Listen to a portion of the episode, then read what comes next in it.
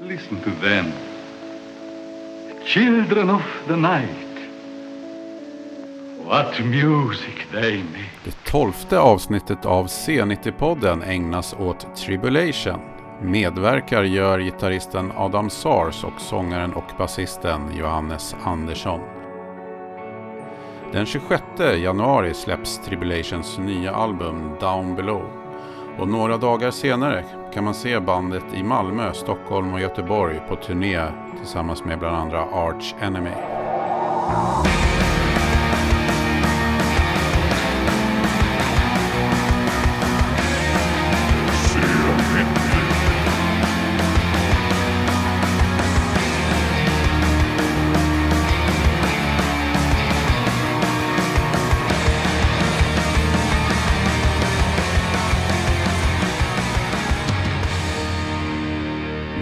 Musik från Tribulation, Lady Death från kommande albumet Down Below. Och innan dess också lite grann av Koda Pavonis från föregångaren The Children of the Night. Adam, följt av Johannes, inleder den här podden med att berätta lite grann om förutsättningarna för den kommande turnén som startar 12 januari. Och vi, ja, vi får i alla fall spela 45 minuter eller något. Ja, det var något vi höll hårt på. Ja. Att om vi ska supporta ska i alla fall ha en bra tid. Eller en, en lång set tid så att säga. Precis, så vi hinner klämma in tre, tre låtar tror jag. Från Ja. nya skivan. Och den, den nya skivan då, Down Below, eh, släpps i sista dagarna i januari va? Mm. Mm. 26. 26. Mm. Jag såg att det var er första albumtitel utan ett the. Ja, Har ni tänkt på det? Ja, det har det har jag faktiskt tänkt på. Det var något som vi inte tyckte var helt självklart att vi skulle göra. Nej. Det bryter ju ramen lite på något sätt. Ja, Mm. det var, in, det var egentligen inget medvetet från början att vi gjorde det där. Nej. Eh, men sen när vi upptäckte det så blev det ju lite som en sån här Morbid Angel-grej. Som de har, här alfabetet. Mm. Men vi sket i det. Ja, alltså fan. Nu är det två korta titlar och två långa titlar på fyra skivor. Så att jag tycker det har lite, Ja, lite samband. Men The är ju lite synd såklart. det är lite synd. Om man vill får man Det kalla. Down Below. Ja. Ja, det går ju faktiskt. Ja. Mm. Och det är ju er fjärde fullängdare. Mm. Man kan väl säga att ni fick lite av ett, ett lyft med förra, The Children of the Night. Mm. Ni skulle väl egentligen kunnat åka på en headline-sväng nu? Ja, alltså vi har ju gjort det också bara för att klargöra. Eh, Men varför vi åker just nu på den här turnén är väl lite att vi känner att vi har inte ägnat så mycket tid åt Europa som vi borde ha gjort kanske. Vi har varit väldigt mycket i Staterna den senaste tiden. Så att eh, det är dags för Europa att få en, ett, en större Tribulation show helt enkelt. Ja, Och precis. det får vi tillfälle att göra nu tror jag. Ja, vi ska göra två turnéer nu Mm. eh, i början av året. Och då täcker vi egentligen hela Europa på dem. På tre månader. Det känns jävligt bra. I princip hela Europa. Mm. Mer öst koncentre- koncentrerade på andra turnéer. Och Lite mer Nere i vanligt. Medelhavet. Ja. Med på turnén, förutom Arch Enemy och Tribulation, är Ginger och Winterson. Den här turnén, jag tycker den ser ut som nästan alla andra turnéer som kommer de senaste åren nu. Det är så här lite ihopplock, om man får säga så. Eh, bolagsturnéer liksom. Det, Ja, är, lite av allt. det finns inte, det är inte som ett paket med Creators of the Destruction som var förr i tiden. Liksom. Mm. Trash-paket. Nej, det kan man ju såklart göra, men det... Det ser man ju sällan. I alla Mm. fall jag. Mm. Det är så här, nu är det dem och så dem. Och Ja, sen det. dem och dem. Vi har gjort lite sådana där mm, lite mer spretiga turnéer förr också. Ja, också när vi har bestämt själva. Eh, vi åkte med ett band som heter Youth Code bland annat i USA. Det var senaste turnén där. Ja, det var senaste turnén vi gjorde. ett år sedan. Ett och ett halvt år sedan. Ja. Eh, och de spelar ju, ja vad spelar de egentligen? Alltså, Slags industri. aggressiv industri, punk på något sätt. Ja, jag vet inte, det är bra i alla fall. Ja. Och eh, innan det så åkte vi med Def Heaven och det är lite... Så vi har ju ändå, ja, vi har ju ändå liksom varit ganska, vi har väl velat, tror jag, liksom ta lite udda akter också. Inte bara metal-akter som kanske ska vara liksom, självklart. Nej, alltså, och speciellt när man... Eh, när vi öppnar, när vi inte headlinar, då är det kul att se om det funkar också. Om den publiken ska ta emot den. Och det känns som att vi har lyckats ganska bra med det. Även om vi har spelat med så här Cannibal Corpse Mm. så kan man tänka sig att de kanske inte skulle acceptera oss direkt, deras Nej. publik. Men det gick fan bra. På något sätt så lyckas man ändå slutet av Ja. våran spelning har vunnit över de där hårda macho Cannibal Corpse-fansen eller de här... Ja, eller med Def Heaven, då var det ju någon slags... Eh, Jag det var ju inte. en publik som jag inte ens visste Det fanns. är också en genre jag inte visste fanns. Nej, precis. Shoegaze hade vi aldrig hört talas om förr. Och det var ju typ så här hardcore människor och Med jag vet inte vad. Ja. Men det gick bra. De gillas också. Mm. Så det är kul och, och Så vi bidrar ju lite till det här. Det gör vi. Som, som du Mm. tog upp med. Ja, ja, alltså jag vet inte vilket paket det skulle bli om man skulle köra ett genrepaket med oss. Alltså... Nej. Det är så svårt att sätta fingret på sin egen musik eh, de här dagarna. Så att det, vilka andra skulle man spela med som skulle kännas uppenbart? Ja, det är lite svårt. Ja, det är svårt. Tycker vi. Det är kanske självklart för alla. Man är sån, sån här... Jag tror Nej, vi det har är, ingen aning om vad vi spelar. ja, nej, men jag tror att det är rätt svårt faktiskt att säga något självklart som skulle vara.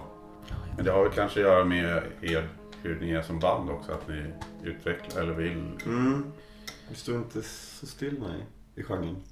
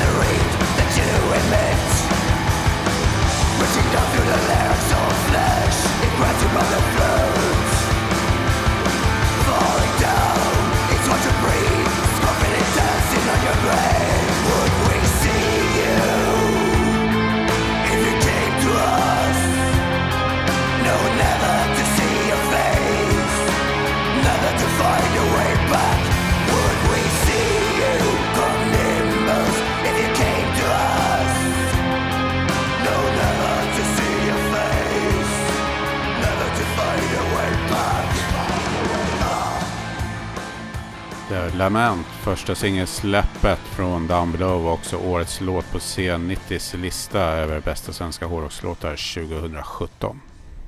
Nu börjar intervjuerna komma igång runt och då blir det mycket snack just runt eh, den nya skivan då, Down Below. Mm. Och det blir väldigt mycket så här hur det låter jämfört med hur det tidigare har låtit. Och det gäller ju många andra band också. Jag tänkte på det nu med Watain till exempel som, som också är ak- aktuella med skivan. Att det blir väldigt mycket så här, förra skivan var så. Mm. så här, är inte det där, inte det där lite tradigt? Jo, det. Jo, det, det, det blir liksom nästan samma svar varje gång. Man försöker liksom hitta ett bra svar på vad som är utvecklingen eller vad som har hänt. Men i, i vissa fall och i mitt fall så, så kan man inte liksom kontrollera det. Man vet Nej. inte vart man är Nej, riktigt själv. Vart kom vi nu med den här nya skivan? Vart gick vi egentligen? Vart, vart hamnar vi? Och vi har ju inte... Eller vi har väl snarare gjort en grej, lite grann i alla fall. Det är inte som att vi har planerat det här heller. Men vi har ju lite gjort en grej av att inte planera Mm. sådana saker. Inte analysera här, vår egen musik. Inte ha någon plan, inte ha något tema från början och så vidare. Så att det, Det formas liksom... med tiden. Ja. Och eh, jag tror jag var mer irriterad av sådana frågor förr än vad jag är nu. För att jag förstår att folk vill att band ska låta som band alltid har gjort. Faktiskt. Eh, jag kanske inte riktigt håller med. Men det är klart att ja, fo- folk lägger ju ner mycket Mm. tid, antar jag. möda Och möda och, och lyssna och supporta och komma på spelningar och sen så om man släpper något då som folk inte kan Ta till sig. Ja, ta till sig, identifiera sig med vad, vad man nu vill göra med det. Då är det klart att ja, jag kan förstå reaktionen och jag kan förstå att man jämför. Mm. Men vi har väl aldrig sett det på det sättet. Vi har aldrig sett det som Nej. att vi är ett band som ska göra musik för någon annan. Utan Nej. vi har ju vi har haft attityden som vi hade när vi började tror jag. Att vi bara ville göra det vi ville göra. Vad det, det var. Bra hårdrock, hur den lät just då. Liksom. Alltså, som vi gillar. Och inte för att så här, fylla något tomrum eller något sånt här. Utan bara för att vi ville göra det. Det var inte så mycket mer än så. Sen så finns det såklart så här, underliggande orsaker till det. Eh, men det har vi inte riktigt brytt oss om att tänka på. Det känns som att man kanske förstör för- Förtrollningen kanske bryts Mm. liksom om man börjar rota för mycket lite så här. Ja. Man får nog inte tänka för mycket nej heller. Nej, Liksom nej, precis. Vad tycker de där egentligen? Vad tycker skivbolaget egentligen? Och vad, Och det har vi aldrig gjort. vad förväntar sig folk? Om man börjar tänka så, då tror jag man på ett sätt lite tappar det på något sätt. Ja. Även Och det- det- musikaliskt. Men det är oundvikligt också. Alltså efter ett tag. Det är klart att man, vi tänkte så lite när vi gjorde den här skivan. Och, ja men vad kommer fans tycka den här gången? Kommer Mm. de, ja. Men det är mer, alltså, när plattan är klar. Liksom. Nej jag tycker det är innan. Jag Tycker du? för mig är det innan. Och sen så, så glömmer jag bort det. När vi har kommit två veckor in i processen så är det borta. Sen så tänker man inte på det förrän nu. Jag när, tänker när det är klart igen. Lite tvärtom där. Är det så? Jag tänkte såhär, ah, nu gör vi fan vad vi vill här under processen. Sen när plattan är klar, då kanske vi börjar tänka så här. Ah, undrar vad folk kommer tycka om det här nu då? ja, men det kanske är bra också. Ja. Ja. Nej, oavsett så är det inget vi Nej. tänker på inte så mycket. Nej, ni blir inte ens irriterade på frågorna. Ja.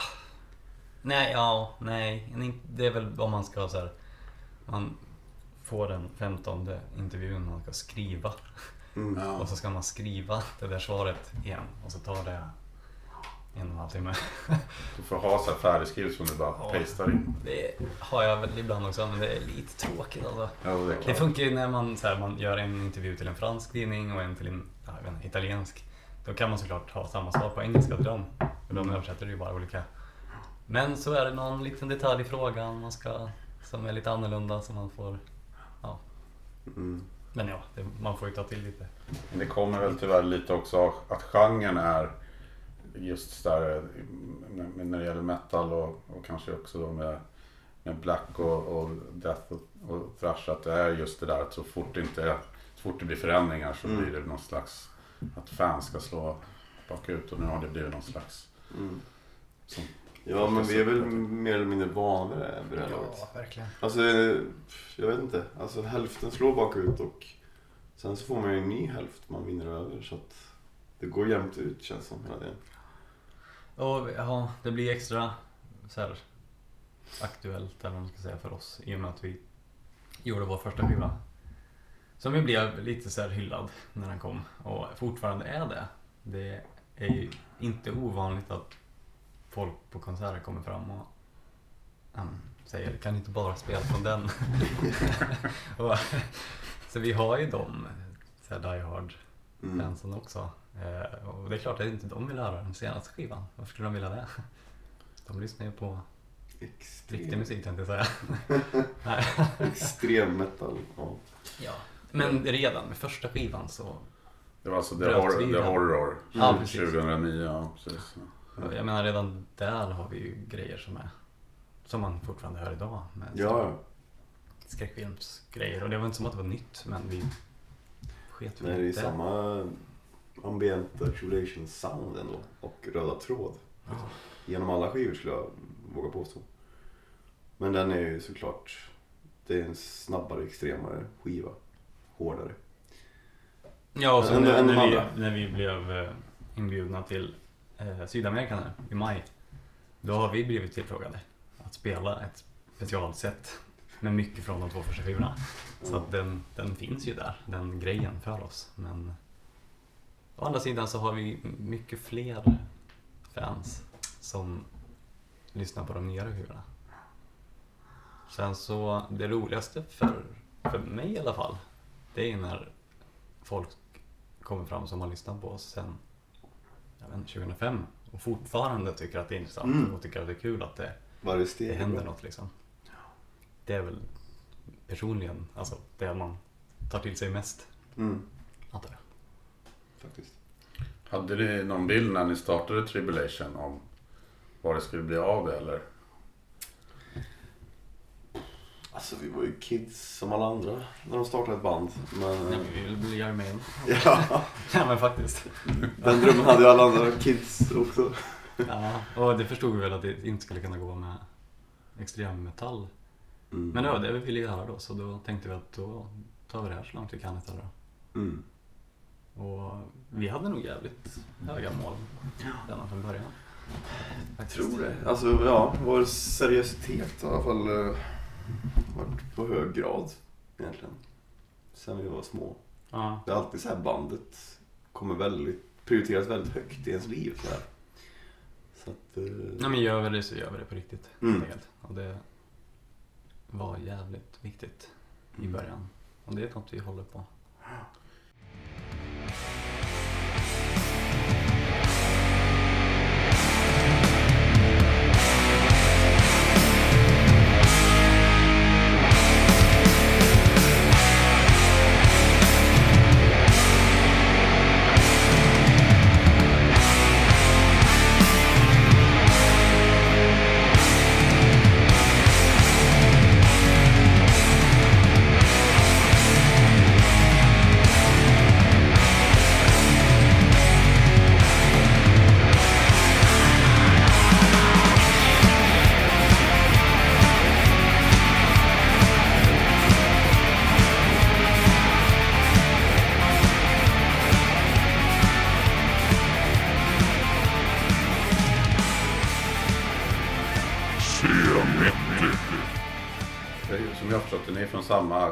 kompisgäng och uppväxta i Arvika Det stämmer. allihopa. Förutom vår nya trummis. Nya trummisen.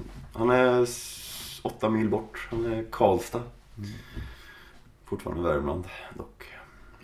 Men ni har känt varandra ganska länge. Ja, alltså Jonathan, Adam och jag då har ju känt varandra sedan ah, 2000 Ja, kanske? jag vet inte. Jag och Jonathan har gått på samma skola ända sedan vi var Ja. fem, sex. Och, eh, men jag kände honom inte i början. Men den som jag kände längst var egentligen Jakob.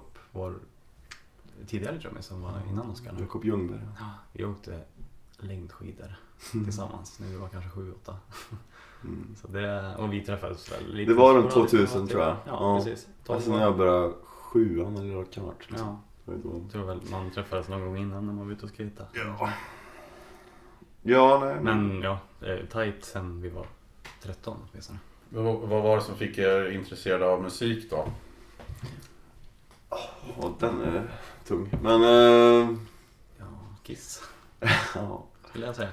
Tror jag i alla fall. Alltså, jag har nog ingen enskild alltså, händelse eller benämnare som introducerar musik. Tror jag, sådär. Det, alltså, det måste väl vara farsan på något sätt i så fall. Med hans musik i hemmet liksom från början. Och han spelar gitarr, morsan spelar sax. Och jag har nog alltid varit rytmisk så att jag började banka på soffor och allt möjligt där hemma. Med trumpinnar. Det är så Johannes lärde sig spela trummor. Det var det är en jävligt rolig historia Ja, faktiskt. Han, som jag, vi hade ingen aning om att han spelade trummor. Men vi visste hela tiden att han satt hemma, hemma på sin soffa och slog på VHS Kassett. band. Och så på soffan. Och typ kastruller. Ja, allt möjligt. Och var jävligt snabb på det och helt plötsligt kommer han då och så börjar grinda. På ett riktigt trumset. Ja, var Ja. bättre än alla andra.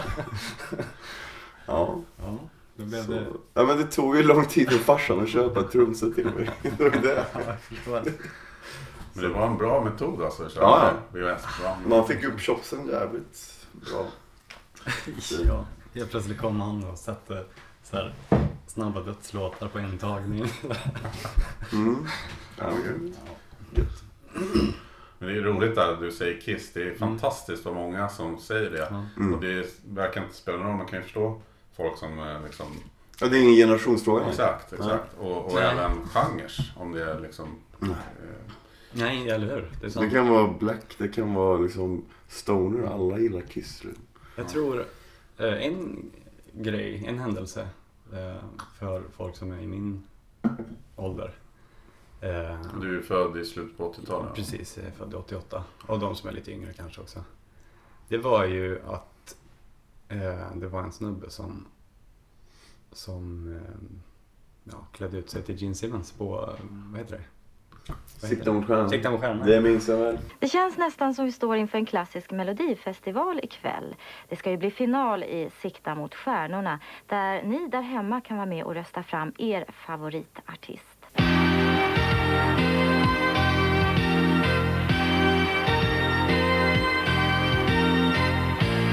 Sikta mot stjärnorna Högt i din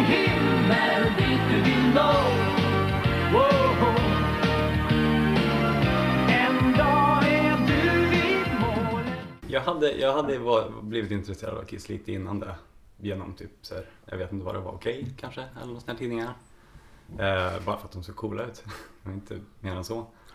Eh, men så kom jag ihåg det. Att det kom och jag vet att jag snackade med andra polare om det. Mm.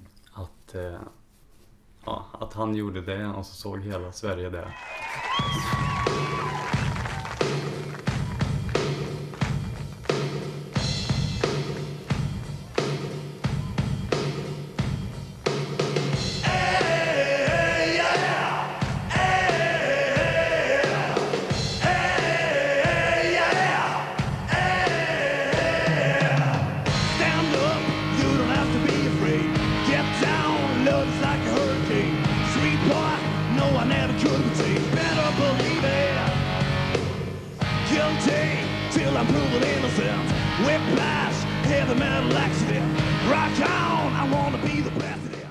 Gång när jag var i Japan faktiskt så träffade jag han som, eh, han som var Paul Stanley. På det. På Sikta mot stjärnan? Ja, Åh fan. han spelade i något band som Bisarrt. Ja, faktiskt. Vi kommer ihåg det. Vi satt och åkte på en sån här inhyrd buss som vi hade från Osaka till Tokyo, tror jag. Och det var... Eh, då spelade med Enforcer. Eh, så det var vi och... Vad fan hette de? Jag tror de hette Mean Streak. Sånt där. Då var det en i det bandet som, som var Paul Stanley där. Tyckte jag var jävligt ballt. Det är fantastiskt att, att en sån grej. Alltså det var ju ett, underhållningsprogram till TV4 där det var, man härmade olika artister. Ja, man mimar väl? Nej, nej. Nej, de sjöng på riktigt. Jag tror det. Det var på småskärmen mina från. Ja, stämmer. Ja, de sjöng på riktigt ändå. Ja, det är det. Det, det är liksom Linnea Landstedt som är sångerska i Tyrannex. Mm. har varit med i den här podden. Hon berättar exakt samma. Alltså, nej, är det sant? det var det som fick henne in på hårdrock och så här. Men det kanske var något, alltså Kiss. Nu kom Psycho Circus liksom. 99. Ja, lite senare. Men de återförenades ju vid, vad var det, 96? Ja, eller hur? De var typ i Stockholm 95. 96 eller något också. Ja, 97. Det var lite såhär Kiss. Då satt jag och grät framför nyheterna när jag såg det på nyheterna. och samma sak gjorde jag 99. Du fick inte åka. Jag fick inte åka, nej. Mm. Och, men det var ju där, mycket begärs. det var ju där någonstans man fick upp ögonen i alla fall. Ja. Mitten av 90-talet. Men eh, sen kom ni in på Morbid Angel och lite... Ja, Ja, via Maiden. Via Iron Maiden. För mig i alla fall. Mm. Jag blev Maiden besatt när jag var 10. Ja, för mig tog Maiden lite längre tid faktiskt. Jag var nog... Jag tog en black metal år där, eller två. Ja. Jävligt tidigt. Mm. Så här, det var ingen annan förutom jag och min granne ute på landet som lyssnade på black metal. ja, jag lyssnade lite också. Ja. Fast typ på Death Crush och inget annat. Ja, Nej, vi, vi, det var våran grej verkligen att beställa skivor från Ginsa vi trodde skulle vara bra. Typ. Liksom, "Ja, men det här ser ut som värsta coola black metal-loggan. Och så kanske man, någon hade knackigt internet som man googlade liksom, bilder på. Sen blev det ju döds i, i eh, högstadiet där, Jag kommer ihåg också ett tillfälle sjuan. där eh, jag blev lite golvad. Det var när vi, det var du faktiskt. Mm. Vi var på en, eh, inte skolresa, men skol, vad säger man, utflykt eller något sånt här. Vi Mm. åkte till Ski Sunne, i Sunne för att åka snowboard. I sjuan tror jag. Mm. Eh, och då spelade du upp Zombie Ritual för mig. Med Death alltså på en så, såklart en kassett. kassett. Ja, precis. Ja.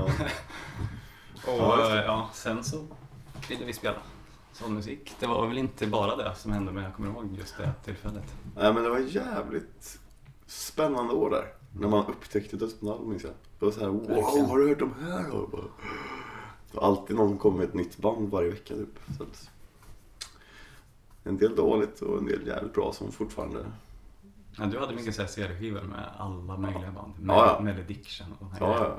Morta Skald eller någonting. Och, alltså, som sagt, jag, jag och den där grannen vi, var, vi gillade att köpa udda grejer som så här, inte var så mainstream kanske. Så då blev det en del eh, eh, loppisfynd. Eh, finns bra begagnade affärer i både Karlstad och Arvika på den tiden. Så Mm. att man köpte mycket begagnade CD-skivor gjorde man då. Mycket döds. Men var, var det mycket folk som gillade hårdrock i Arvika eller var ni ett litet tajt gäng? Eller Ja det men det fanns alltid hårdrock runt en Ja. faktiskt. Lite äldre människor som hade så här dödsmetallband och eh, Mm. som, det var väl lite, ja men bland annat eh, Micke Pettersson som sjöng i bandet Stench som, Ja, som Johannes och Jonathan hade tillsammans med honom. Ja, just det. Han hade ju ett band som, Annihilation. ja precis. Eh, ja. Bland annat. Eh, och de är, vad är gammal han? Han är 82, som är no- några år äldre. Och det fanns en liten klick där som höll på med, ja men det var både, det var både så svartrock och, och ja, dödsmetall ska jag säga. Det var inte så Mm. mycket. Och några black metal snubbar. Mm, ja men alltså, där vi till slut började repa också, det var ju lite hårdrocksbetonat ändå. Blå huset heter det i Arvika. Ja, absolut. De som uh, skötte om det, eller ja, de var ju typ aldrig där och sådär men i alla så- fall, det var, det var mycket hårdrock i de lokalerna och de som skötte om det var också lite såhär hårdrocks eh, snubbar. Mm. Så att, Men jag vet inte fan om våra inspiration kom därifrån. mm, nej det gjorde de inte. Egentligen, om man tänker efter. För vi, alltså på något sätt, jag kommer ihåg när jag såg de där snubbarna när jag var åtta. Då Mm. blev man ju rädd liksom. Ja, men våran generation det var väl eh, några fler som höll på. Alltså, I och för sig, de var väl kanske ett eller två år äldre. Alltså terror och... Jo, jo. Ja, men, ja, men det är väl våran klick. Klick. Det är, som, det är folk som, Så vi var väl ändå ett 20-tal kanske. ja, folk som spelar i Enforcer och, Ja. och ja, alltså inte- säg popband. Det fanns ett popband som hette Killroy som var Mm. gamla trummis Jakob spelade i. Som började som hårdrock. Som började som hårdrockare, Mm. började som Dark and Legacy. Ja, nej, men det var ett gäng där på, i plugget de tiderna. Ändå. I lilla Arvika. Och så fanns det ju en... eh, Ja, vi hade Karlstad ganska nära och de hade Metal Club. Så jag kommer ihåg att man ofta såg så här affischer med Vomitory och Gehenna och sådana där grejer på stan. Vi var ju för unga för att Ja, åka dit då, men det, det är fortfarande coolt. det var fortfarande coolt. Ja, så kom väl Vomitory spela i Arvika någon gång. Eller skulle de göra det så ställde de in, var det så? Ja, de ställde fan in i Ja, dem. det gjorde de.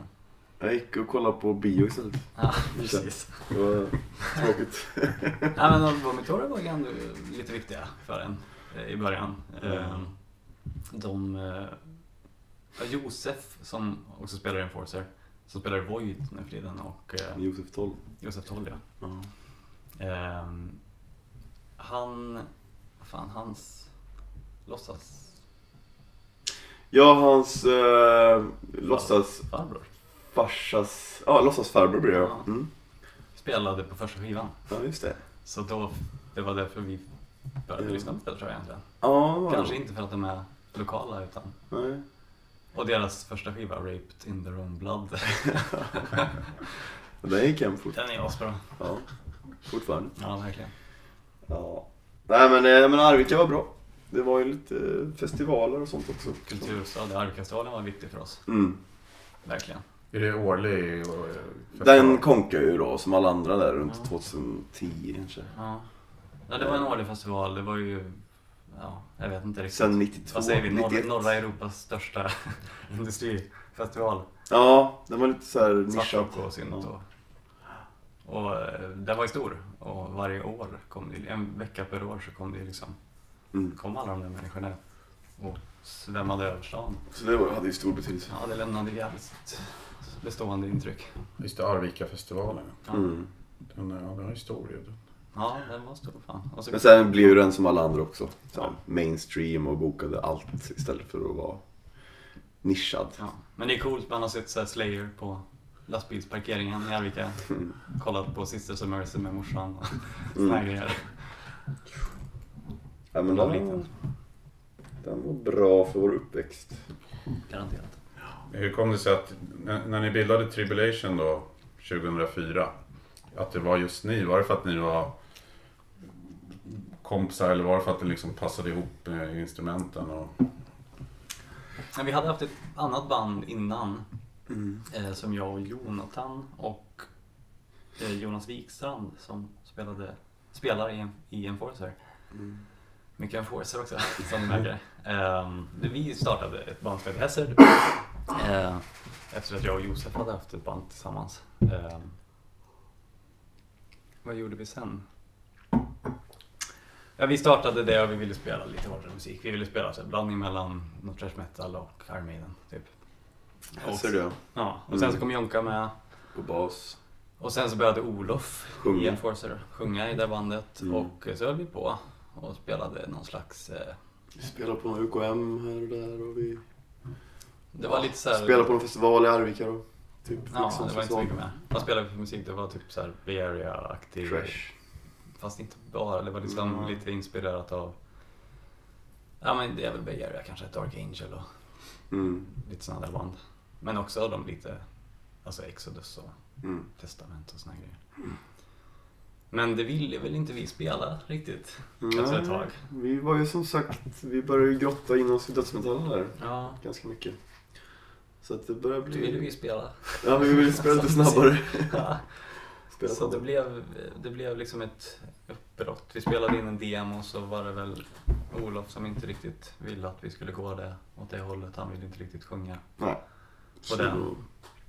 Och så då blev det, gick det inte något mer. så att egentligen Hazard blev ju då Enforcer och Tribulation. Mm. Ja, Kan man förenklat kan man grovt absolut säga, ja. absolut. Det är lite så det blev. Mm. Ehm, och då var det, jag vet, jag vet inte, vi hade väl hört dig sjunga. Eller skrika. Mm. Ja. Någon gång innan. Alltså det var ju där, det var lite oklart där i början. när Olof inte riktigt var med eller ville vara med eller vi ville ha med honom. Så tog jag över där någonstans. Ja, precis. Sånggrejen. Och så ville vi att vi skulle sjunga som, eller du hade ju den rösten naturligt, men vi Mm. kommer ihåg att vi pratade om, om typ, alltså Authors of Madness, David Vincent och Mm. eh, Merciless, Mm. vet han. Rogga är märkligt. Ja. Ja, Så ville vi att det skulle låta. Ja. Så att, det är fan så det gick till egentligen kanske. Ja. Varför jag sjunger idag. Mm. Nu när man, Jag har inte tänkt på det. nej man, man tänker inte på sånt. Men så är det ju såklart. Ja. Jag vet inte. Jag ville väl aldrig heller sjunga. Mm. Jonathan ville väl inte heller sjunga. Nej, det föll naturligt då. Ja. Och så hittade vi Jakob, eh, första Jakob, inte Ja. Jakob Ljungberg, eh, på trummor. Eh, en snubbe som gick i vår klass. Eh, Jakob Johansson spelar trummor. Jakob Johansson, ja. Mm. Hygglig kille. Mm. Som vi fortfarande har kontakt med. Mm. Men eh, när sågs vi senast? På, ditt, på din bröllopsfest tror jag. Mm, min svensexa Ja. Ja. Nej, den var ju innan. Den var innan då. Då blev det bröllopsfest. Du, har ju, du har ju nämnt en Force några gånger där. och- Som bildades då några år efter Tribulation. Mm. Kan du berätta lite om, om man inte känner till Enforcer? Ja, Enforcer är alltså ett heavy metal-band från Arvika. Som eh, sångaren Olof startade. Mm, när då? Typ 2006 tror jag. Eller något sånt där. Helt solo var han bara va? Ja, han spelade in eh, den första, eh, ja vad säger man, sjuan, Mm. eh, Evil Taker. Då var han nog helt själv. Jonas kanske spelade trummor, alltså hans bror. Ja. Ehm, och det lät ju jävligt coolt. Han ville väl spela någon slags speed metal tror jag. Mm. Eh, och eh, så blev jag med där för att jag gillar ju heavy metal. Så.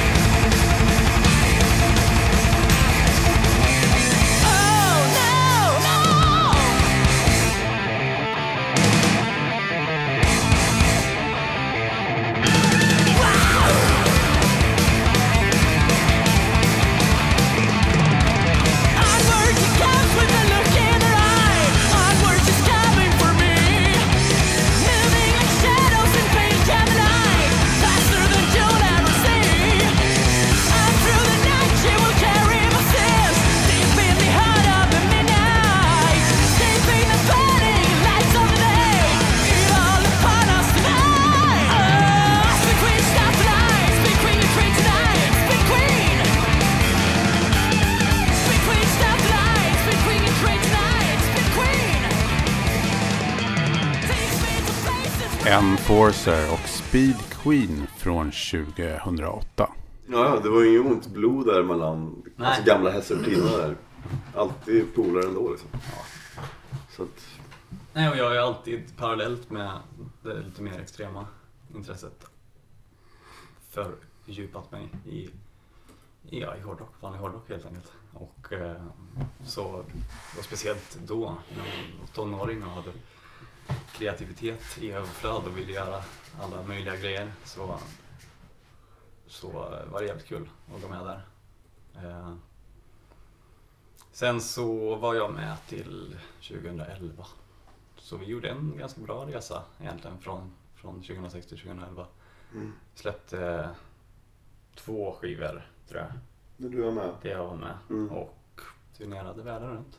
Mm. Och, Parallellt och så hade vi Tribulation samtidigt. Och jag och Jonathan hade ju Stench då samtidigt.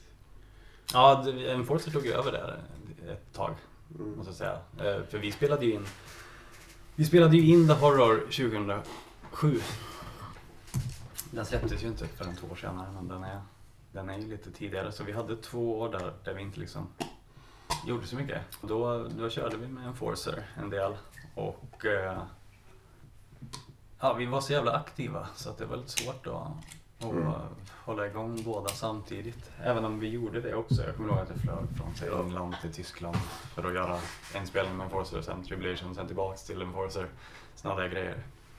Men eh, jag vet inte, sen så Sen så var det väl Jag vet inte, Enforcer gjorde väl inte det jag ville göra tror jag. jag ville, om jag ska spela heavy metal så vill jag nog spela ja, heavy metal, inte speed metal som de spelade.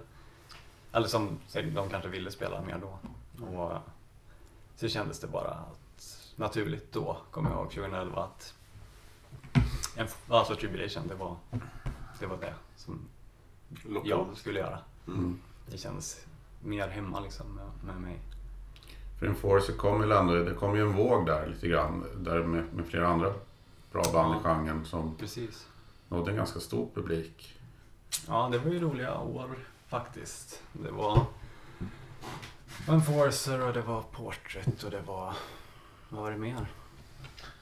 Ja, Ram spelade, men Ram hade ju funnits lite längre. Och, eh, och In Solitude såklart. Det. Och eh, typ Helvetes port. Det var, jag kommer ihåg att vi åkte ner till Frankrike och gjorde sån här svensk heavy metal-kväll med alla de där banden. Bland annat. Så gjorde vi någon turné med Portrait runt i Europa och svinade. ja, det var kul. Ehm, sen så blev det väl, det skapade väl en liten våg antar jag efter det där men jag kan inte säga att jag var, hängde med så, så bra. Det är lite konstigt, det har vi tänkt på en del nu. Varför vi började spela i det här bandet Hesser och varför vi Mm. skulle spela thrash metal. För det fanns Mm. väl inget annat band som spelade thrash metal då? Nej, jag var jävligt dött där alltså. Det skulle vi spela. 2002, 2003. Ja. jävligt döda år i Sverige. Det är lite fascinerande nu i efterhand att vi, att vi gjorde det. Av, Mm. av allt man nu kan göra. Ja. Och så fanns det, jag vet inte, det var väl också, man, man blev väl inspirerad av varandra för att det var också mer än Forza-medlemmar som hade ett annat band som heter Corrupt. Som också släppte en skiva. Just det. Slave States Serenades. Mm. Eh, de spelade också thrash metal men lite mer tysk, eh, Tyskland inspirerat. Så det var två band i Arvika som spelade olika sorters thrash metal Mm. tidigt 2000. Det är, ja, nu i efterhand är det lite konstigt kan jag tycka. Och ganska coolt Mm. Mm. att vi bara gjorde det Ja. från ingenstans. Ja, men jag menar det finns ju väldigt många som hoppar på rådande trender och då blir det istället inflation och med band som ska låta nästan likadant. Ja, det kom ju en trashvåg sen. Mm. Men det menar jag inte att vi hade något med det att göra, för det hade vi verkligen inte. Det var ingen som visste vilka hästar det var utanför, Mm. utanför Åmot kanske. Eller något sånt där. Så det... Ja, det var konstigt. Men, Ja. Men det blev, du var inne på det förut, men det, det blev aldrig några problem när att dubblera eller att det blev någon slags att det kan ju lätt bli slitningar när man ska vara på två ställen samtidigt. Ja, jo men kanske lite grann. Faktiskt. Det är väl klart att... Alltså det var ingenting vi kände av riktigt. Nej, Alltså vi gjorde så mycket annat då också. Ja, och det blev naturligt mm, för mig och Jonathan på något sätt att starta Stench också. Ja. För att det var naturligt, för att då lärde du känna den här killen Micke då, som sjöng. Så det var så här, men då startade vi band med honom, du vet, som man gjorde på den tiden. Man startade bandet till Haze Face. Så det var, det, var så här, det var inga hard feelings som att Enforce var ute och turnerade hela tiden. Och Tribulation inte gjorde så mycket. För att det, liksom, vi höll oss upptagna ändå, så att det var inget, inget krångel. Liksom. Nej, men det här var väl egentligen som, som värst åren 2009 typ 9 till 11 antar jag. Mm. Eller 10 Det 11 känns så. kanske till och med. Men... Eh, ja, vi bodde lite. Alltså jag bodde här. Eh, Jonathan bodde ett tag i Arvika kvar då. Gick på Mm. skola utanför Årjäng.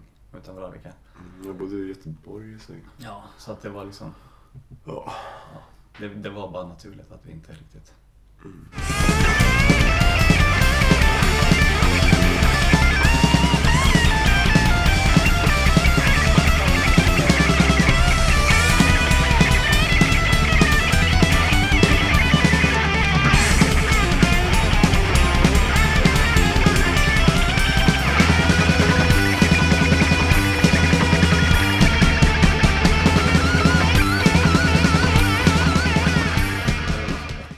svårt att, att lämna Enforcer då?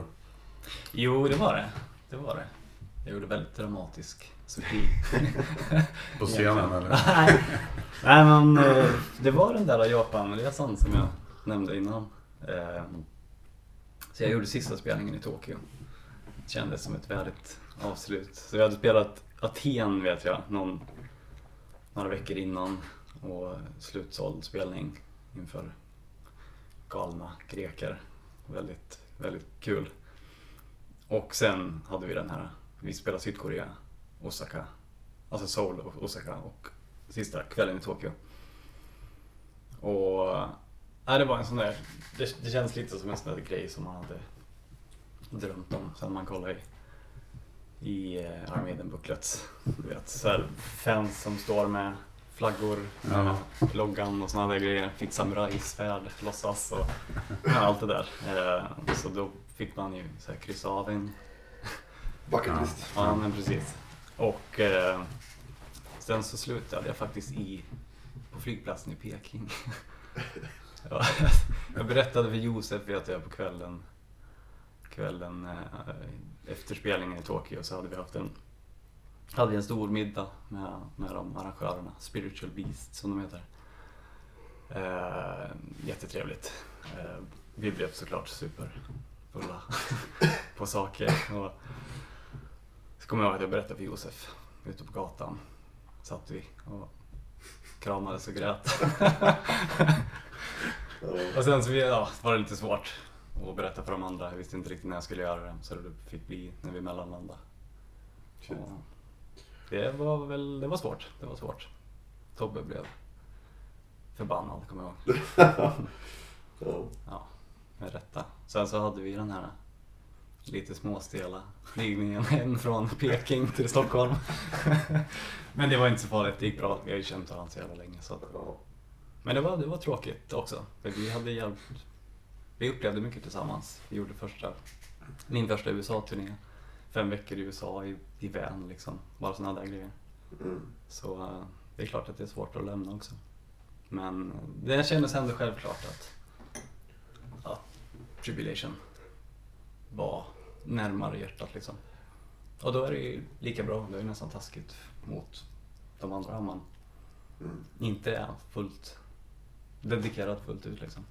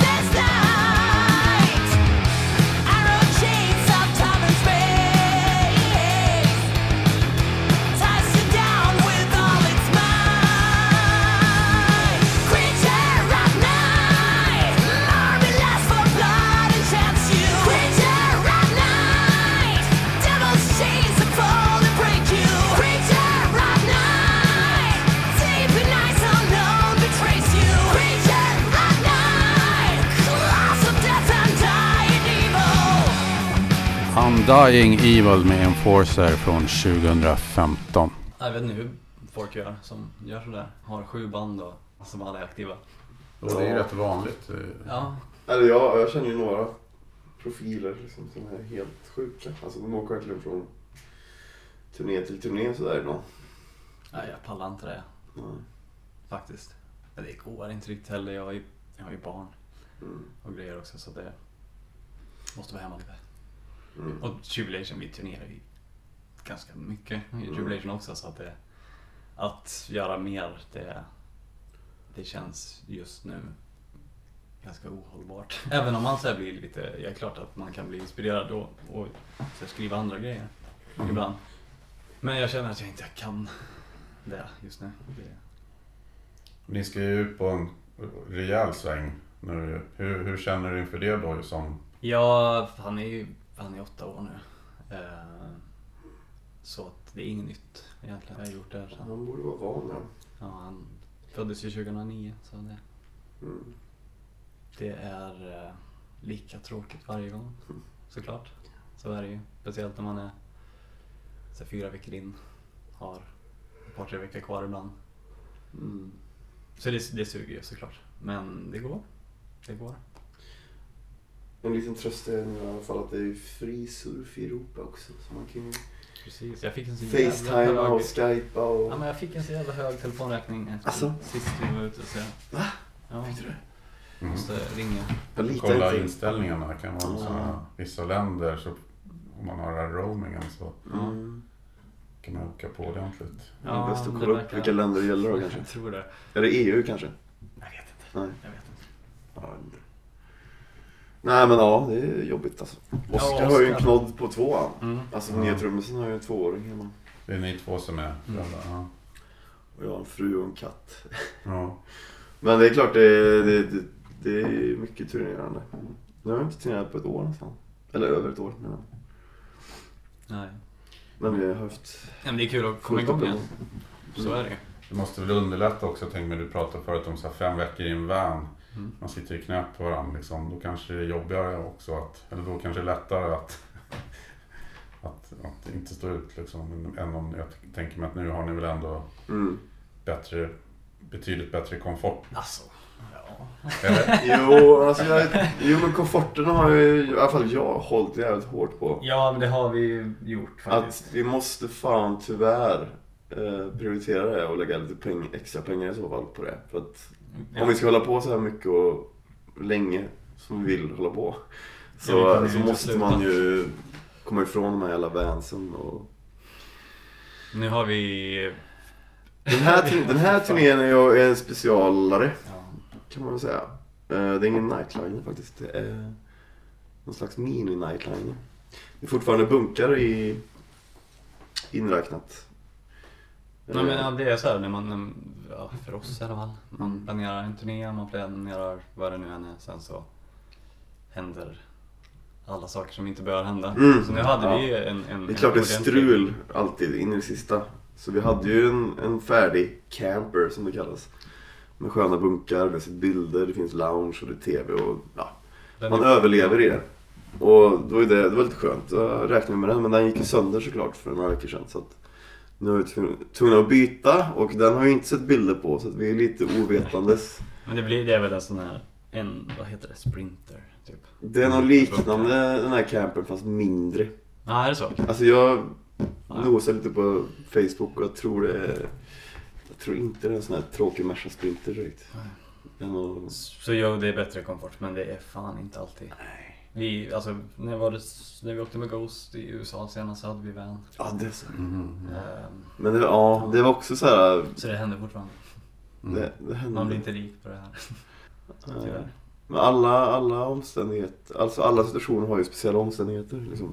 Ja. Ghost var så här, tänkte vi, ja men fan det är inte så lång. Nej, det var två veckor efter, Vi kör vanjävel för att spara lite efter en pengar. annan turné. Mm. Som vi hade, det var, en, ja, det var, den, det var Abbat. Då delade vi ju Nightline. Nightliner med Abbat. Mm. Vad kul, det var en upplevelse. Så att, nej, men- Jävligt hygglig snubbe faktiskt. Verkligen. Nej men jag propsar hårt på det här med kom, komforten. Alltså.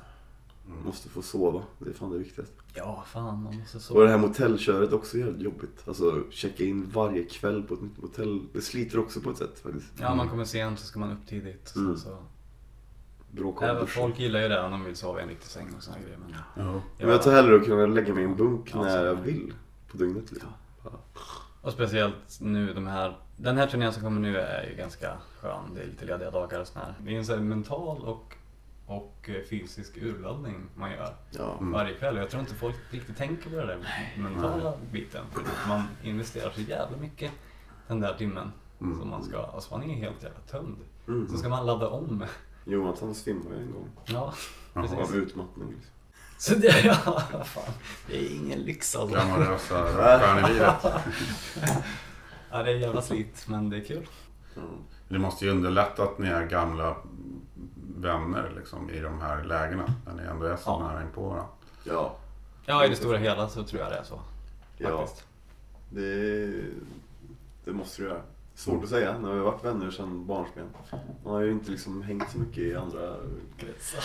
Nej, du, Enforcer är också jättenära vänner så att det är så här. Man har aldrig varit i en sån konstellation där det inte... Men jag har. Har du det? Ja, Repugnant. Ja. Det, Men det var en ganska kort period det var en väldigt kort period. Vi gjorde bara några spelningar. Ja, en turné sådär. Det är då man kanske vet om man Blev kända, som, ja, blev kända som världens trevligaste band. Men det som jag tycker är lite märkligt är ju att många, man tänker sig Tribulation som ett ganska stort svenskt hårdrocksband. Ni var Grammis-nominerade och, och sånt där. Men ändå så är det väldigt mycket hårdrocksfans i, i Sverige som inte vet vilka Tribulation är. Mm. Som ändå går på konserter och sånt. Jag tror att folk i min generation som, som upptäckte hårdrock på 80-talet, väldigt många är otroligt kvar i man, går, man går på Guns N' Roses, Maiden och alla de här gamla, men man, man är helt, liksom, och trots att det är så otroligt lätt att, Mm. att, att, eh, få tillgång till ny musik. Ja, det kanske är så här Ghost och sådana band som man, Mm. men, Som man trängt igenom. Som når över det där Ja. gränsen. Ja, och lyssnar man på radio så är det samma gamla låtar ändå, så att Run to Rails. Liksom. ja verkligen. Final Countdown. Ja, men det är väl så. Jag menar, det, jag skulle inte vara förvånad om, om eh, vi hade gjort det här för 15 år sedan eller något sånt här. Då hade väl troligen våra videos visats på Vox Pop eller något Mm. sånt här, ZTV. Mm. Och det finns ju liksom inte nu. Så att, Det är ett jävla svårt klimat alltså. Mm. ja det är det. Man får, eh, man får göra sånt här. Man får spela såklart. Mm. Och, Ja, men det är jävligt svårt att greppa Sverigepubliken faktiskt. Det finns så mycket hårdrockare som man så här, inte vet om existerar liksom. Men det finns Ja, det fan mycket hårdrockare i Sverige. Ja, jag kommer ihåg när vi spelade i eh, Norrköping på... Ja, vad då? Flygen. Black Christmas. Black Christmas ja. Mm. Det var ju så här, i Norrköping, ett rum fyllt av massa Ja men Sweden Rock Festival bara. Jo, eller hur, eller hur. Men de, de var ju ändå där, inte bara för oss, men Nej. för en så här specifik... Mm. Ja den är ju... bara svenska, grej, liksom. svenska band väl? Bara, var inte det? Nej, var det? Jag tror Mayhem spelar också. Men- Just det, just det. Ja. men det är ju ballt. Det, det ser man ju inte Nej. faktiskt. Eller vi. Vi är väl så... Vi håller ju på med det här. här. Ja. Ja men Sverige är svårt att greppa alltså. Men sen så kan jag, jag kan förstå det där också. Att man, för jag kan inte påstå att jag är superbra på att kolla upp nya band jag heller. Mm. Faktiskt. Det är väldigt sällan det händer. Jag vet inte ens. Nej. Alltså det är väl typ, det är band man turnerar med och blir tipsad om sådär. På, Ja. Ja, alltså, vad lyssnade jag på nyss när vi, du kom hit? Det var ju Black Sabbath liksom. Mm. Det är så, det är så det blir.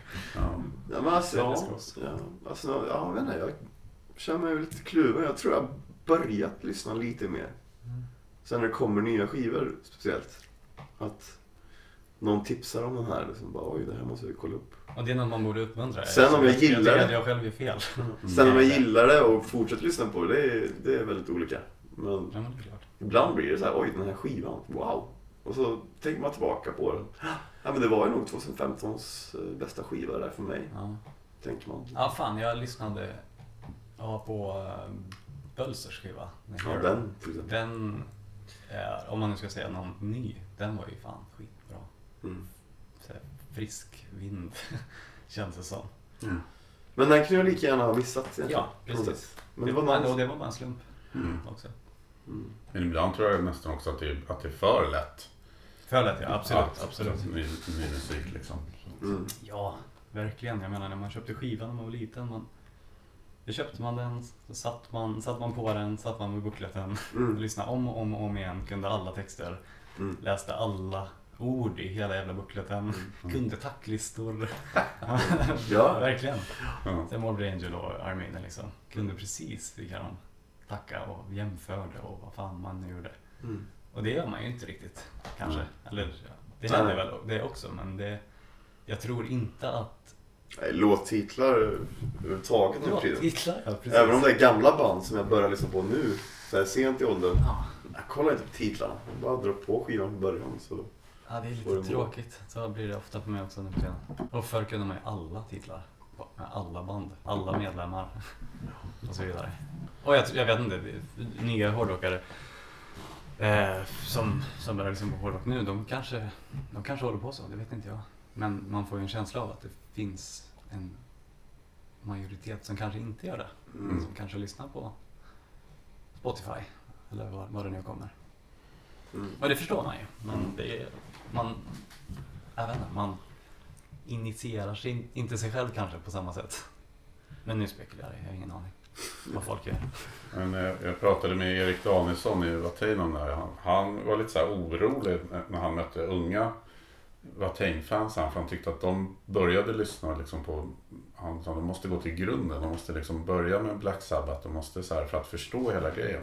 Mm. Han sa börjar ni med Watain och sen upptäcker lite andra band som är liksom... Då, då har ni inte liksom hela... Nej. Nej men det är fan, det, det beror väl, det är väl olika hur man, hur man ser på musik och hur allvarligt man tar det. Men jag håller med.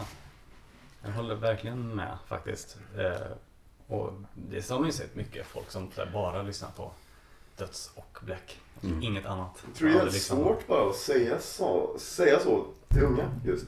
Ja. För att då är det ju liksom, då är det ju Watain då i det här fallet som är prio ett.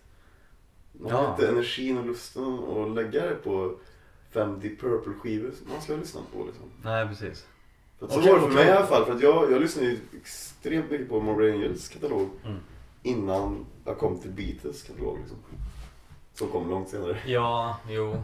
Så att, Fan, ja men det är sant. Jag gjorde en ganska bra sån där steg för steg resa. ändå. jo ja, alltså jag började, började med punk. Ja, du började med, ja precis, och Nirvana och skit ja. Ja, så jag hade den svängen också sådär. Men, men alltså Sabbat och den här gamla hårdrocken om vi ska säga så. ja. Men det är ändå så här, och 70-tal, 80-tal, 90-tal.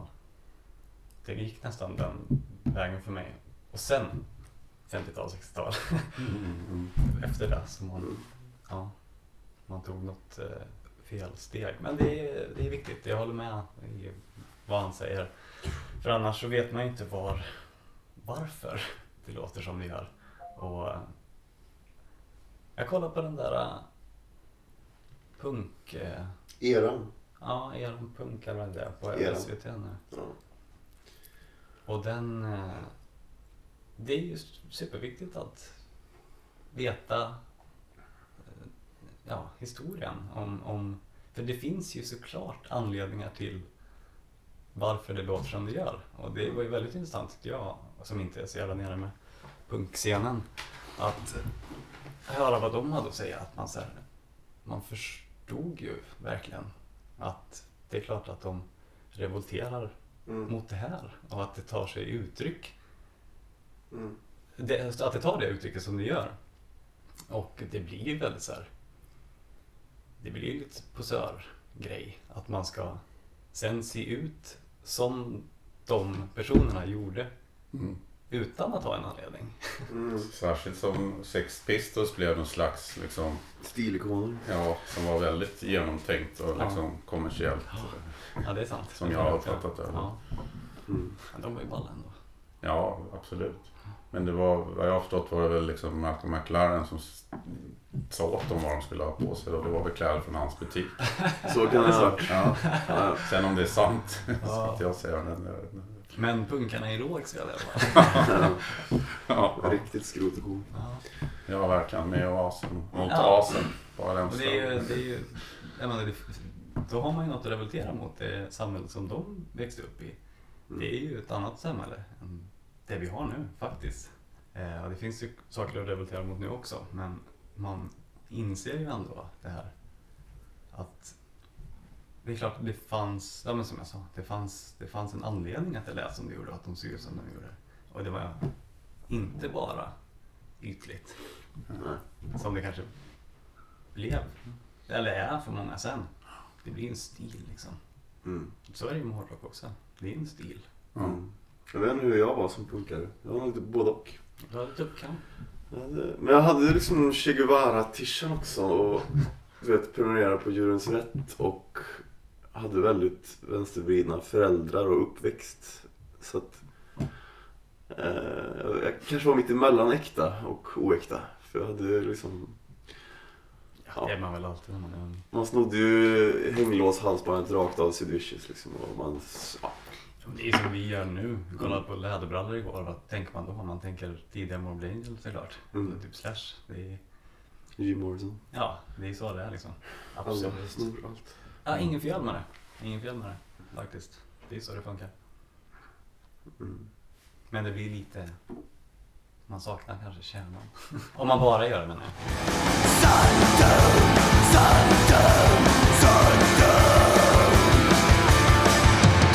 Men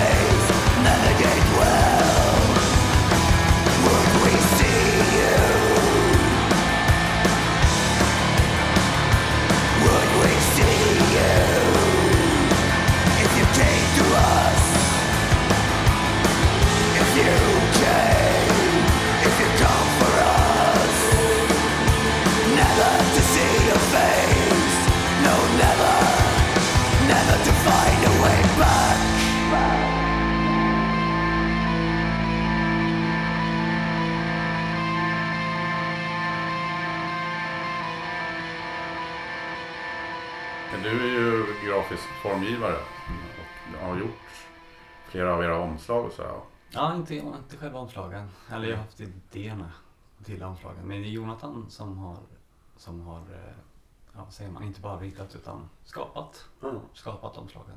Första gjorde vi ihop, men sen är det han som gjorde det. Sen, men sen har jag gjort eh, ja, Layout. layouten, det grafiska. Det är den nästan. Och Jonathan har hjälpt till också. Men. Det, för det tycker jag är ju, just när det gäller den här typen av musik så är det ju väldigt en stor del av hela uttrycket sådär. En väldigt stor del. Mm. faktiskt. Jag, hade, jag kommer ihåg när vi släppte Formulas of Death så blev jag lite så anti ett tag. Ville nästan att skivan skulle vara så här, Svart. ja bara svart omslag, ingenting på det, ingenting i bukletten, typ inga titlar nästan. Bara för att, eller ja, texter och, och sådär också såklart men bara för att man ville att så här, musiken ska väl tala för sig själv. Mm. Men ja, och, och den, det är en bra idé också egentligen kanske. Men ja, fan, vi har väl alltid varit hårdrock överlag har ju alltid varit en helhetsupplevelse. Mm. Så jag kan inte riktigt hålla med om de tankarna jag hade då Mm. längre. Och, för det är lite naivt för att det, det är ju så stort, det är en så stor del. Det, det är ju det som skapar ja, känslan. Det hjälper av till i alla fall att liksom. skapa väldigt mycket känsla. Mm. Ja, En bild. Och särskilt idag när, för det där kan göra liksom lite skillnad tycker jag gentemot de som lyssnar på det på Spotify. mm. ja. När, du kan, Mm. när du har liksom skivomslaget och det att arbeta med också. ja, absolut. Och man presenterar ju sin egen bild och version, eh, eller vision av eh, musiken man gör. Och säger då liksom, här, här, här är hur vi uppfattar det vi har gjort, kan man väl säga. Och eh, det är såklart att det är viktigt. Sen så får ju Sen så får ju lyssnaren uppfatta det hur den, hur den vill såklart. Mm. Men eh, ja, då kommer man tillbaka till det där med att man sitter med en bucklet och bläddrar och tittar igenom och koncentrerar sig antar jag. Fokuserar helt och hållet på produkten man har köpt. Mm. Eh, Och inte bara, då är det inte bara musiken utan då har det också med bandet att göra. Ja. För då blir det inte lika anonymt som det såklart blir. Som vi sa, Mm. man vet ju inte ens titlar på låtar liksom. För att det bara går. Mm. Det, ja, man saknar ju något där. Det, så är det verkligen. Och också lite grann tänker jag med folk som idag som är intresserade, många hårdrockare som, som fortfarande köper skivor. Det är också ett sätt att få lite betalt för allt Ja. slit så. Det är det som är Verkligen. vår, det har vi alltid tyckt. Det är det som är vår för Produkt. Ja. Det är det som vi jobbar för. De, sen, vi har jobbat ganska aktivt, alltså innan också. Man samlar ju på sig riff och idéer och såna grejer. Men väldigt aktivt sen april.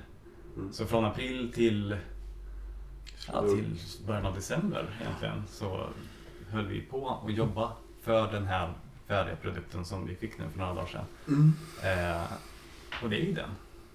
Alltså, CD-skivan är ju en del av det såklart. Men, Mm. men det är vinylen, LP-skivan. Man, Mm. man, det är det som allt jobb har gått in i. Mm. Det är där det är Mm. faktiskt. Om man nu ska vara...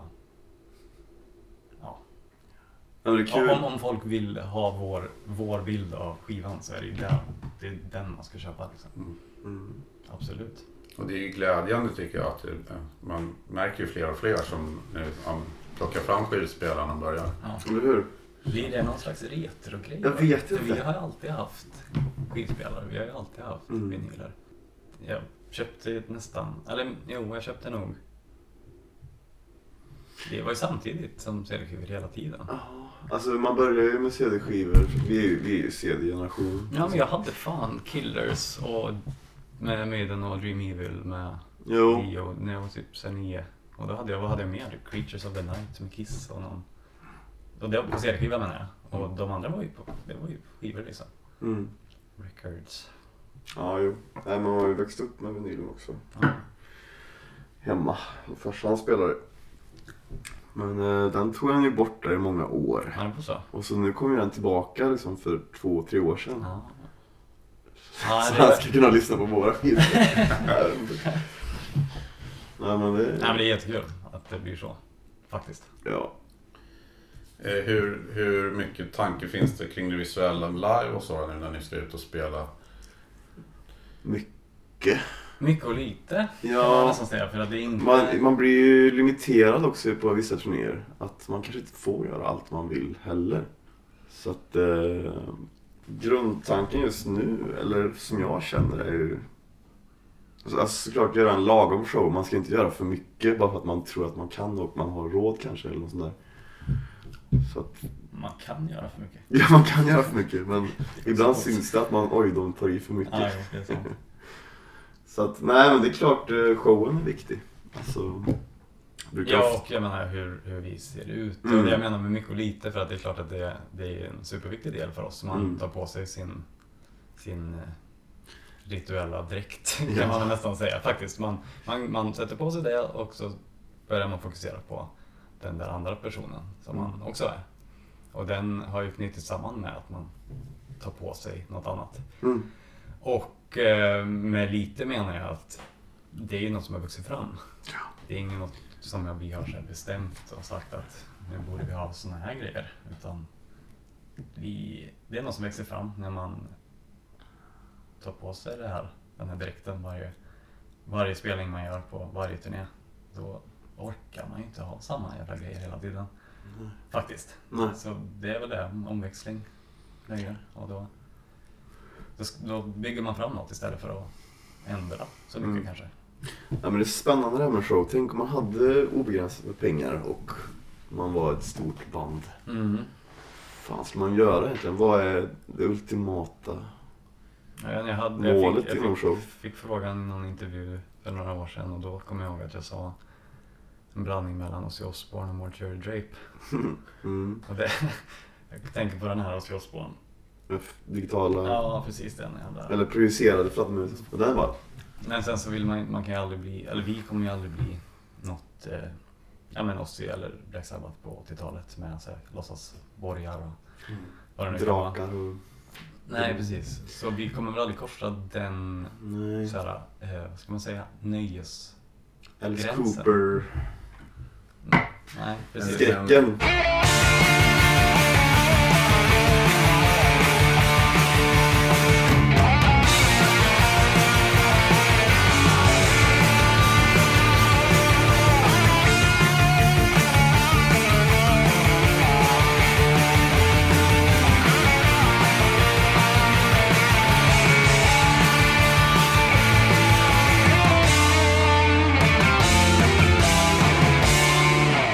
Man får hålla sig Ja. under. Det är det, Det kan lätt med. bli lökigt om man går lite för långt och använder fel medel.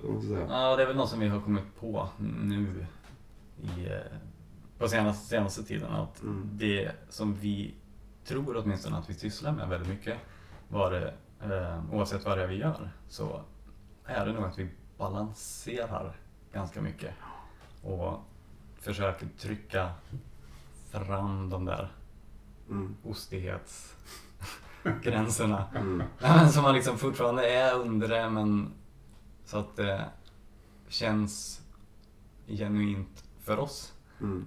Så att det inte känns som en gimmick. Eh, och det är väldigt viktigt. Men vi vill ändå kunna göra sådana här storslagna grejer. Eh, Jag vet inte om vi- Det är det som är svårigheten tror jag. Att göra det samtidigt som man på något sätt ja, inte går över gränsen helt enkelt. Tror vi har någon slags finare stil på våran skräck. Om man ska prata just skräck på i scenshow. Mm. En. Än just Alice Cooper och sådana akter som liksom har papier-maché-figurer och Mm. de här lite komiskt eh, utseende på drakar och demoner och sådär. Mm. Jag tror nog vi ändå håller oss, just nu i alla fall. inom, inom, inom eh, Ja, ostighetsgränsen och att Ja. vi är mer, våran stil är mer klassisk. Vi har haft en Ja, dansör till exempel på scen någon gång och sådär. Dansare. Eh, Dansös. dansör så. Dansös. Så att eh, det är lite mer, vad ska man säga, Dramaten Ja, skräck. Ja, Lite mer, siktar vi kanske på i alla fall. ja, mer klassisk skräck än Ja. Hollywood-skräcken. Ja, men precis. Även om det är coolt också. Men allt kommer inte in. Nej. Tribulation, helt enkelt.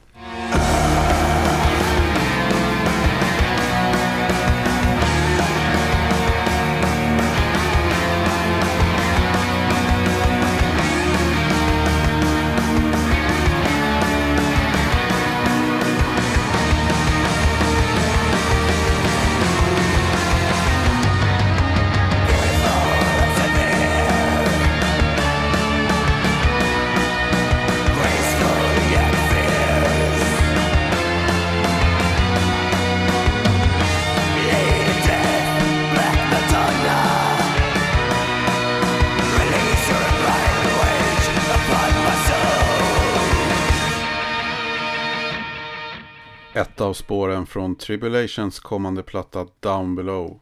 Här hörde vi Lady Death. Jag tror det som vi håller på med, eller det som vi ger uttryck för är ju inte en negativ bild utav döden. Eh, faktiskt. Det är... Och det här är något man har fått tänka på i efterhand såklart. Man, när man var liten så gillade man man gillade alla grejer. Man gillar skallar och blod och skräck överlag. Eh, och det är ju fortfarande. Det är ju bara så det är. Det är något som tilltalar en rent visuellt. Men det är... Eh, ja, det är inte den fula döden. Det är väl en sorgesam död kanske vi skriver om. Eh, och en, en riktig död också. Men ändå inte... Ja. Jag tror inte riktigt att man, personligen, att man bara dör.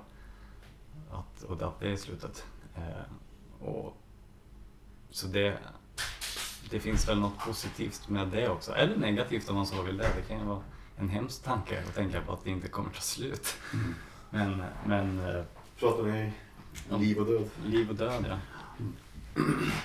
Eh, Men sen så ser man ju också döden som en symbol för, för förändring.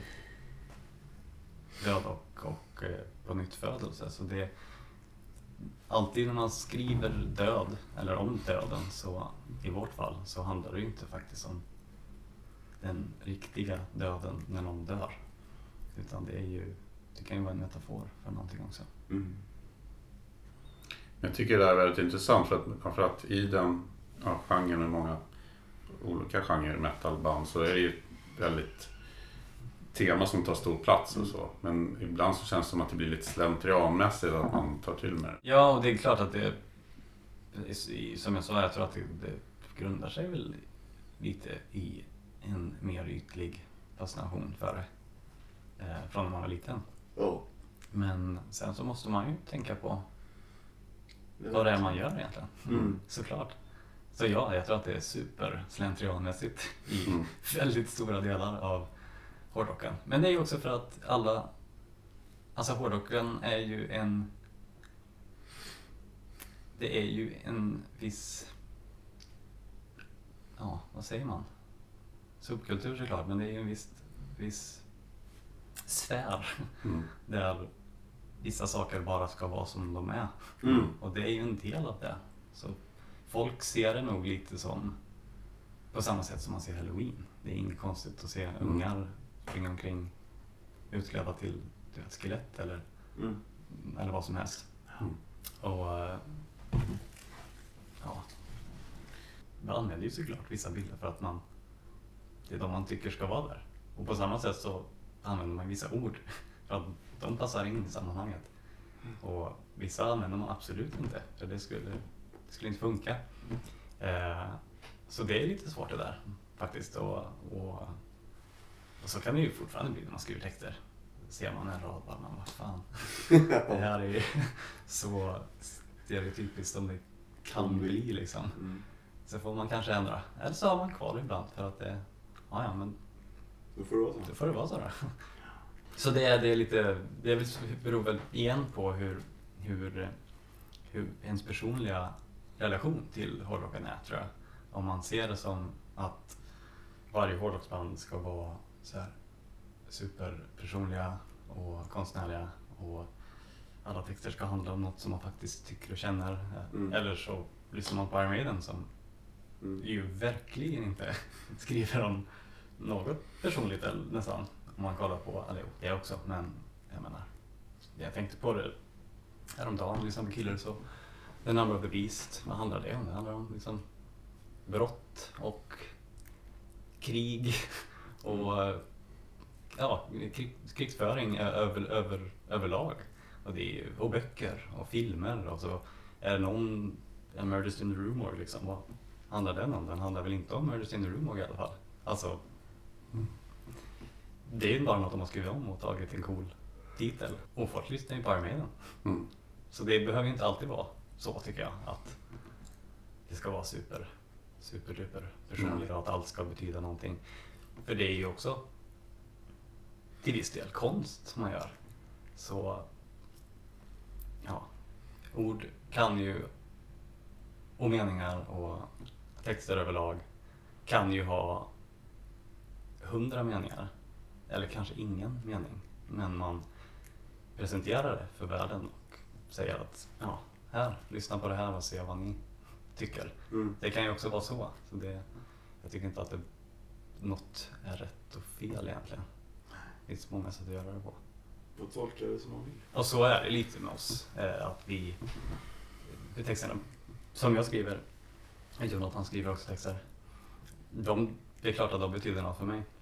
Och ganska specifika grejer ibland. Och olika grejer ibland. Men jag, ser, jag tycker inte att det är superviktigt för mig. Inte alls viktigt snarare. Att berätta det för någon. Jag tycker inte att det, det är inget, det är inget så här med, alltså det är inget, vad säger man? Det måste finnas ett Det syfte. är, vi har liksom. ingen budskap. Nej. Budskap, eller något sånt där. Mm. Eh, Så att så vi, vi ser ju Tribulation ganska mycket så, som, en, som något konstnärligt som man... Och det här är vårt verk och nu har vi hängt upp det. Nu får, Vad man, tycker du? nu får man komma dit och titta på det liksom. Mm. Ja, avslutningsvis då. Nu har vi- snackat i snart en och en halv timme. Ja, jävlar. Tiden går fort. Eh, ja, eh, ni kan se fram emot ett eh, ganska hektiskt Tribulation-år då, 2018. Det lär det bli. En del festivaler också kan jag tänka mig. Ja, Ja. vi hoppas på det. vi får se. Eh, Det blir såklart några festivaler. Ja. Eh, Vi skulle behöva några fler känner jag just nu. Men eh, först nu då ska vi ut med Arch Enemy och sen ska vi ut med Insomnium. Sen ska vi till Sydamerika och så ska vi till Israel och kanske Turkiet. Får vi säga det? Jag vet inte. Men... Det spelar väl ingen roll. Faktiskt. Nej. Eh, Turkiet och Israel ja. Och sen Sydamerika, vad var det? Argentina och Chile första gången vi är där. Så det ska bli jävligt kul. Och sen så sommaren och sen så förhoppningsvis tar vi väl oss tillbaka till staterna i höst. det vore bra. Men det är något som vi planerar nu. Mm. När man planerar USA-turnéer så behöver man inte lika mycket framförhållning Nej. som man gör med europeiska. Varför vet jag inte riktigt, men så är det. Så vi planerar väl att turnera ganska länge nu tror jag. Ja, det slog ju mig häromdagen. Vi pratade om det för några veckor sedan. Alltså vi turnerade ganska kort ändå.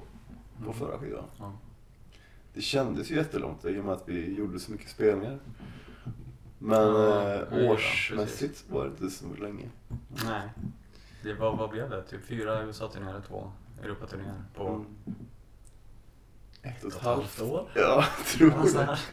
Alltså folk turnerar ju fem år på sina plattor ibland. Ja, jag vet. Och, så jag kan nog tänka mig att det blir kanske två år på den här. åtminstone. Ja, jag gissar på det. det. Man vet ju aldrig. Ja, nej, man vet aldrig. Alltså, jag menar- hur mycket vi orkar. Till slut så Ja. vill man ju bara göra ny musik också. Exakt. Man kan ju...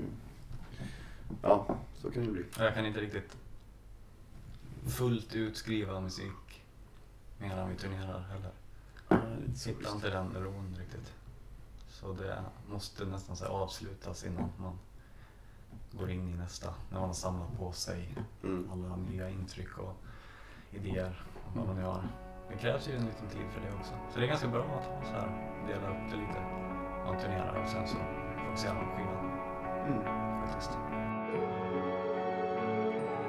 Du har lyssnat på det tolfte avsnittet av podcasten C90 och medverkade gjorde Johannes Andersson och Adam Sars från Tribulation som släpper sin nya skiva Down Below den 26 januari.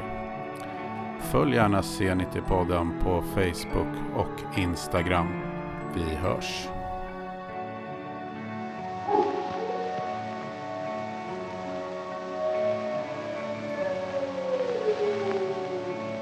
Listen to them. Children of the night. What music they make.